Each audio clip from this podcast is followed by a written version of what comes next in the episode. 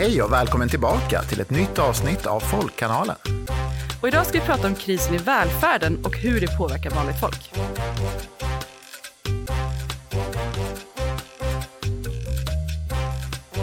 Vi är Folkkanalen. Vi struntar i det politiska spelet. I podden fördjupar vi oss i de riktiga problemen och ger lösningarna för vanligt folk. Jag heter Lina Stenberg Och jag heter Peter Gustafsson. och det här är en podd som handlar om de riktiga frågorna. De som spelar roll på riktigt för vanligt folk. Det är jag som är Lina. Och det är jag som är Peter. Och idag ska vi prata om välfärdens kris och sommarens antåg. Och vi ska göra det med Arena Idés chefsekonom Elinor Odeberg. Hej! Välkommen Elinor! Jättekul att du ville komma och gästa podden. Tack för inbjudan, väldigt roligt att vara här. Vi ska ju prata om välfärden idag. Eh, Och till att börja med, vi behöver liksom lägga ut begreppen här. Vad menar vi när vi pratar om välfärd? Ja, välfärd är ju i bredare bemärkelse människors levnadsvillkor, levnadsförhållanden egentligen. Eh, och eh, i Sverige har vi ju då en, en välfärdsstat som innebär att vi har ett stort offentligt ansvarstagande för att människor har goda levnadsförhållanden, goda livsvillkor i form av avgiftsfri utbildning, avgiftsfri sjukvård. Eh, det kostar inte pengar att köra på svenska vägar och så vidare. Man skulle kunna bredda välfärdsbegreppet eh, ganska så vitt och brett egentligen liksom, eh, när man pratar om just livsvillkor. Men jag tror att det de flesta tänker på när vi pratar välfärd, där är ju vård, skola, omsorg i i den svenska kontexten. Men om man pratar om welfare i USA till exempel så brukar man associera mer till välgörenhet och kanske liksom direkta sociala bidrag mer än det här bredare samhällsbygget som vi lägger in i det svenska välfärdsbegreppet. Mm. Ja, men det är bra. Då har vi klarat ut eh, de begreppen. Eh, och mycket diskuteras just nu kring det här med att välfärden är inne i en kris. Eh, och vad menar vi med det? Och vill du säga någonting om, om vad som har hänt så att vi har hamnat här? Ja, det är ett allvarligt läge i svensk välfärd just nu med tanke på den höga inflationen eh, som innebär att inte bara vanliga hushåll får ökade kostnader utan även kommuner och regioner som är huvudmän för den svenska välfärden, skolan, utbildningen, eh, vårdcentraler. Alla får högre lokalkostnader, hög, dyrare mat eh, och eh, svårare att få, få det att gå ihop helt enkelt med den budget som låg eh, sen året innan. Och eh, när då regeringen inte kompenserar för de här kostnadsökningarna i form av större statsbidrag. Och här brukar man prata om något som kallas för indexering som innebär att man räknar upp resurserna med inflationen. Det har vi idag inte på statsbidragen, på bidragen till välfärden. Och det här är egentligen ett problem som har varit strukturellt i flera decenniers tid i Sverige. Men när inflationen har varit så låg så har man liksom inte märkt av det på samma sätt. Det har varit lite som en osthyveleffekt. Varje år så ska personalen springa lite, lite fortare. Men nu ska de plötsligt springa väldigt mycket fortare för samma peng. Eh, det är nedskärningar på uppåt 10 procent i, i vissa kommuner med tanke på att inflationen är så hög som den är. Men om man nu ska förstå det här, varför har då inte eh, finansieringen till vård, omsorg, skola, förskola, äldreomsorg, varför har den inte ökat? Varför har det då blivit mindre? Eh, hur kommer det sig? I grunden är det väl förstås en politisk prioritering. Eh, vill man satsa på välfärden eh, eller inte? Men jag skulle säga att eh, det strukturella problemet är ju den här bristen på indexering. Att man inte räknar upp resurserna i takt med de allmänna kostnads och även löneökningarna. För även lönerna behöver ju höjas varje år och om man då får har samma lönepott eller samma peng att, att röra sig med så inne, skapas ju då ett motsatsförhållande mellan att anställa en till person och att ha en löneökningstakt för de som redan är anställda. Och det är ju också ett väldigt olyckligt motsatsförhållande för man ska ju såklart kunna förbättra för personalen i välfärden precis som alla andra arbetsgrupper på, eller löntagargrupper på arbetsmarknaden. Så att det krävs liksom ett aktivt politiskt beslut varje år att räkna upp eh, välfärdens resurser eh, om man inte har då en sån här indexering som gör att det sker per, per automatik. Det gör det ju då till exempel så sänks ju Ehm, eller höjs brytpunkten för statlig inkomstskatt eh, med inflationen, plus 2% till och med. Eh, så vi har ju flera, och garantipension, studiemedel, flera system som räknas upp med inflationen, men inte då resurserna till välfärden. Så det ska jag säga är det stora problemet och den reform som skulle behöva komma till för att skydda välfärden från den här typen av nedskärningar i tuffare tider. Och det är ju särskilt viktigt kan man ju tycka i en sån här situation där inflationen är hög, många hushåll är pressade, vi hör liksom rapporter om att barnen äter mer mat i skolan och så, att då välfärden är en krockkudde och att den snarare är ännu starkare. Den blir ännu viktigare när, när eh, det blir tuffare för hushållen. Men nu har vi då en motsatt utveckling där välfärden då också försämras. Så att vi har både sämre mat i skolan och sämre mat hemma. Men hur kommer det sig att skatteintäkterna, där räknar man upp med inflationen så man liksom slipper betala så mycket i skatt när eh, priserna går upp, men inte välfärden? Ja, det är ju en politisk prioritering, helt uppenbart så. Och det hade ju varit klokt att frysa brytpunkten till exempel eh, och lägga de eh, 13 miljarderna på att höja, höja statsbidragen till välfärden istället. Det hade ju varit en rimligare prioritering i det här ekonomiska läget. Men, men och hur ser de politiska ståndpunkterna ut i det här? Är det någonting som man, alltså en sida har velat ändra och en sida inte har velat, eller hur kommer det sig att man inte har ändrat det här på då så många år? Ja, jag har faktiskt haft en del diskussioner om, för det finns ju de som ändå tycker att vi inte ska indexera statsbidragen, att det är bra att det ta, ska tas ett aktivt beslut, för då blir det liksom synligt för väljarna att det finns några som satsar och några som inte satsar.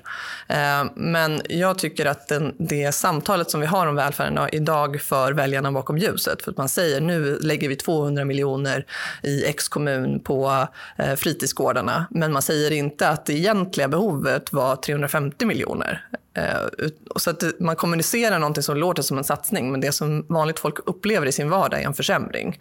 Och det här blir ju ett demokratiskt problem i slutändan om politiker beskriver verkligheten på ett sätt som inte rimmar med det som är verkligt på riktigt. Så att säga. Eh, så att, eh, jag tror att det här skulle skapa ett golv och en, liksom, en hygienfaktor i det demokratiska samtalet om välfärden. För då skulle allting som är utöver det faktiskt vara en satsning. För det är inte så att vi inte har problem i den svenska välfärden med vårdköer eller människor som får vänta för länge på att få vård eh, eller att vi har för låg personaltäthet i förskolan och så vidare. Det finns ju massor med utmaningar i svensk välfärd så det behövs ju satsningar. Så det är inte så att den här konflikten försvinner försvinner för att man skulle indexera statsbidragen, utan det är ju bara att säga att vi håller resurserna på den här nivån som gäller just nu. Men, men så en del av finansieringen är ju då statsbidrag, men den andra är ju då skatter på regional och kommunal nivå. Eh, då finns det ju de som menar på att det är väl där det i sånt fall ska justeras. Vad tänker du om det? Och det är ju det vi har haft under längre tid. Eh, om vi blickar bakåt så var det ju stora skattesänkningar under alliansåren till exempel. 140 miljarder om året i minskade skatteintäkter. Det här var ju såklart ett hårt slag mot den svenska välfärden. Och då har ju många kommuner försökt kompensera för det genom att höja sina egna skatter då. Eh, för att slippa nedskärningar. Och det är klart att nu ställs ju många lokalpolitiker då inför samma val. Antingen skära ner eller höja sin kommunalskatt eller sin regionala skatt eh, istället. Och det är klart att det är bättre att att höja eh, den lokala skatten i det läget än att skära ner. Men eh, det, det vore ju bättre om vi ökar progressiviteten snarare i skattesystemet. Den statliga inkomstbeskattningen är ju mer progressiv än den kommunala som har en platt skatt som är lika för alla oavsett vilken inkomst du har. Mm. Men, och den här krisen i välfärden, hur, hur kan man beskriva den? Liksom, hur, hur påverkar den vanligt folk och, och hur, hur märks det för de som jobbar i välfärden? Ja, det märks ju förstås i form av eh, det är kanske fler vikarier eller färre pedagoger på förskolan. Eh, nu är det ju flera skolor som larmar om att man behöver göra sig av med, med personal och det är ju snopet för att egentligen så får ju, om vi tar Stockholm som exempel, så får ju Stockholms skolor den högsta uppräkningen på väldigt, väldigt länge. Men det räcker ändå inte för det äts upp av all inflation eh, och det problemet förstärks då av att statsbidragen inte, inte höjs i motsvarande takt. Eh, så att eh, vi har liksom en, en paradox där. Att å ena sidan så satsar man mer än någonsin men eh, det är ändå en nedskärning för att, vi, för att vi har en så hög inflation. Så det är ju det stora problemet just nu. Det verkar ha blivit lite blame game också. Kommunpolitikerna de är liksom ansvariga för att göra det här. Och så skyller man på varann. Liksom. Är det kommunens ansvar eller är det regeringens ansvar att man skär ner? Mm. Nej, men det som det här också sätter ljuset på är ju att den offentliga sektorn och välfärden har, snarare än att man är krockkudde för vanligt folk, så får man vara krockkudde för statsbudgeten. Eh, Elisabeth Svantesson som är finansminister kan fortfarande säga att jag eh, har eh, ordning i, och reda i statsfinanserna, men hon gör det på bekostnad av den svenska välfärden. Så att eh, på pappret så kan man gå med överskott genom att skära i välfärden. Och det är ju egentligen inte ansvarsfull ekonomisk politik, men vi har en, ett narrativ eh, som jag tror är väldigt skadligt om man är förespråkar en mer eh, aktiv välfärdspolitik som innebär att, att, att ta ansvar är att gå med överskott i statsfinanserna oavsett om det är på bekostnad av lärarna i skolan eller barnskötarna eller undersköterskorna i äldreomsorgen. Och nu är det ju sommar och det är egentligen det som är liksom temat för den här, det här avsnittet om att just sommarmånaderna brukar ju ändå normalt påverka välfärden eh, negativt. Det brukar vara färre vårdplatser, uppskjutna operationer och sämre möjligheter till exempel förlossningsvården. Hur tänker du inför den här sommaren? Hur orolig är du?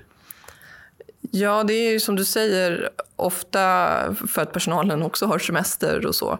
Eh, sen går ju aktiviteten ner också, om man ska vara helt ärlig. Alltså de flesta, även som behöver vård, kanske är eh, lediga eller liksom att det, det, aktiviteten går ner på sommaren. Men det finns ju vissa delar som aldrig kan liksom upphöra. Akutsjukvården är en sån och förlossningsvården inte minst. Och eh, där har vi ju liksom sett varje år att sommaren blir liksom krismånad. Och det är ju helt eh, oacceptabelt att vissa månader om året så ska det inte gå att föda barn och vara trygg med att det finns liksom en kompetent barnmorska på plats. Så att här, här just de, de verksamheter som är eh, dygnet runt-verksamheter alla dagar om året, de, de måste ju fungera. Så det är klart att eh, det här kommer ju påverka även dem verksamheterna. Men här har ju, eh, som, som eh, Peter är inne på lite, lokalpolitiken har ju förstås ett val här. Att man kan ju höja sina skatter och man kan gå med underskott och hänvisa till att det ändå råder exceptionella omständigheter och hämta igen det senare. Så att lokalpolitiken har en viktig påverkansmöjlighet också att försöka just trycka på det här tryck narrativet om vad som är ansvarsfull ekonomisk politik. Att liksom inte låta regeringen komma undan med den här svältbudgeterna. En, en intressant eh, parallell eller lärdom, om man, om man, kallar det det, det är ju liksom coronapandemin som var ja, väldigt nyligen ändå. Och hur vi då ändå var väldigt överens om att välfärden var viktig och att det behövde vara, finnas eh, liksom tillräckliga resurser och så. Vad tänker du kring att, att vi är i det här krisläget just nu, trots att det var så kort tid sedan? Jag tror att det finns en väldigt stark uppslutning för den svenska välfärden, men det behövs eh, en politisk kanalisering av det engagemanget. Eh, så att eh, jag är, det, men det är min personliga åsikt. Jag tror att folk är beredda att betala mer skatt eller är beredda att avstå ett extra rutavdrag eller vad det nu kan handla om för att stärka välfärden. Och det är ju någonting som vi ser eh, i många andra länder. I Sverige har vi fått en debatt som, som är nu kan vi inte höja skatter eftersom att inflationen är så hög och hushållen är så drabbade. Medan i en del andra länder så har man snarare en diskussion om att nu är det tuffa tider, nu måste vi alla hjälpas åt att bidra. Och de som har förutsättningar att bidra mer borde också då bidra mer. Just det. Eh, ja, men läget nu då, apropå det här med att ha underskott. Alltså, eh, statistik visar ju att en av sex kommuner och åtta av tio regioner har budgeterat för underskott för i år och att det ser näst, nästa år ser det ännu mörkare ut. Eh, vart är vi på väg om det här fortsätter? Vad, vad tänker du kring det? Staten måste ju eh, ta ansvar, ta ett större ansvar för välfärdens finansiering. Och, eh, där har vi sett en utveckling där staten har tagit ett steg bakåt under många års tid. Så det, det är det som kommer behöva hända. Men det är ingen kris i Sveriges offentliga sektor. Vi har en av världens lägsta statsskulder och även inräknat med kommun och regionernas eh, skuldsättning så ligger vi under tröskelvärdet i det finanspolitiska ramverket. Eh, så det är inte så att vi inte har råd att satsa på välfärden. Vi har absolut råd med att gå med underskott i tuffare tider. Och det är, om man ska, ska vara sån så är det också det som ramverket konstruerades för, att skapa ett handlingsutrymme i sämre tider. Så det är då man ska kunna gå med underskott till exempel. Men jag tror att vi behöver en större diskussion om hur man ska se på eh, ramverket. Vi behöver ett nytt ramverk som är mer anpassat för de investeringsbehov som vi har under 2020-talet. Men har vi inte just satsat väldigt mycket pengar? Under coronapandemin så gick ju staten med underskott för att klara av eh, ekonomin. Har vi inte just använt det där utrymmet? Ja, men det utrymmet finns ju kvar. Och jag tror att det där kanske är en del i det som skapar en låsning. Att hade vi inte haft coronapandemin, alltså det fanns en idé om att vi skulle återgå till ett normalläge. Och så, så ersattes liksom coronapandemin med ett krig i Europa. Så får vi liksom en ny kris att förhålla oss till. Eh, och att då den här längtan efter det normala, den här viljan att återgå till någon slags normal eh, budgetprocess eh, har kanske skymt sikten lite för att nu är vi faktiskt i en ny kris som också behöver satsningar. Sen har vi ju den andra eh, stora skygglappen som handlar om hur inflationen ska bekämpas, där den svenska inflationsdebatten också har hamnat väldigt, väldigt långt åt höger. Där man till och med motiverar de här minskade statsbidragen med att man inte vill spä på inflationen.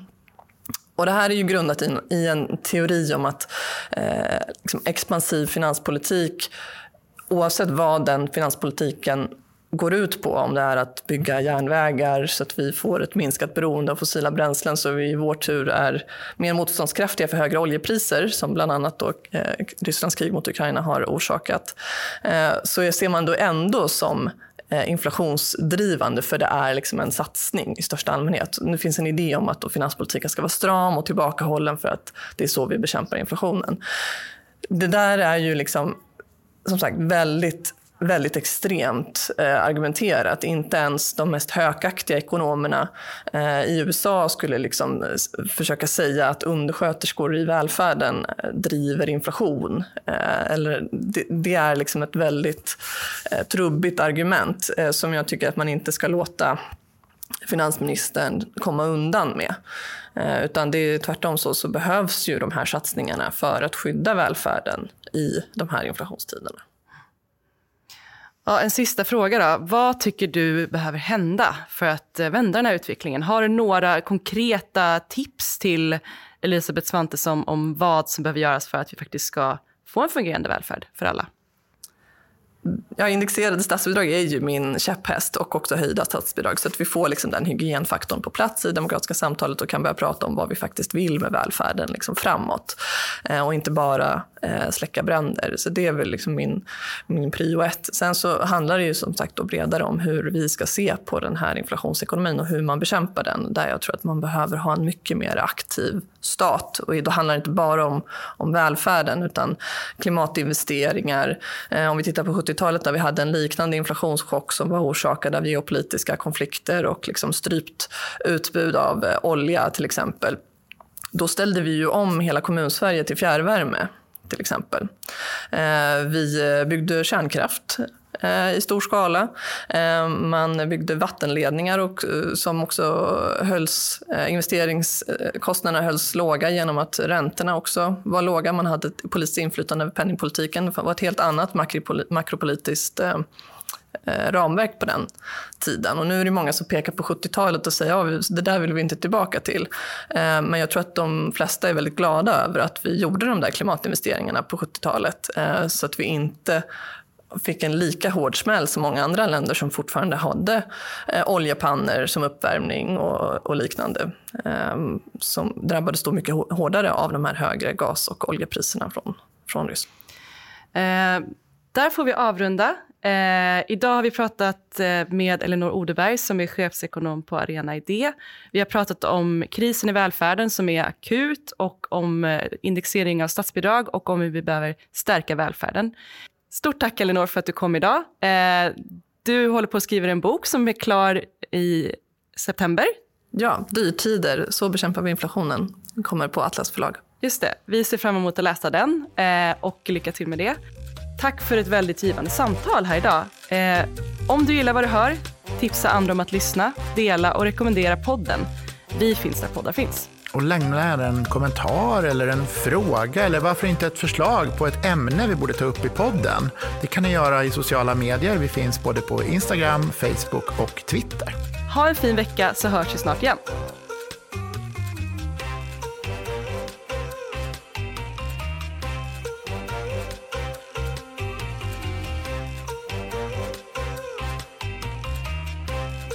Du har lyssnat på Folkkanalen en podd för vanligt folk. Folkkanalen görs av Lina Stenberg och Peter Gustafsson.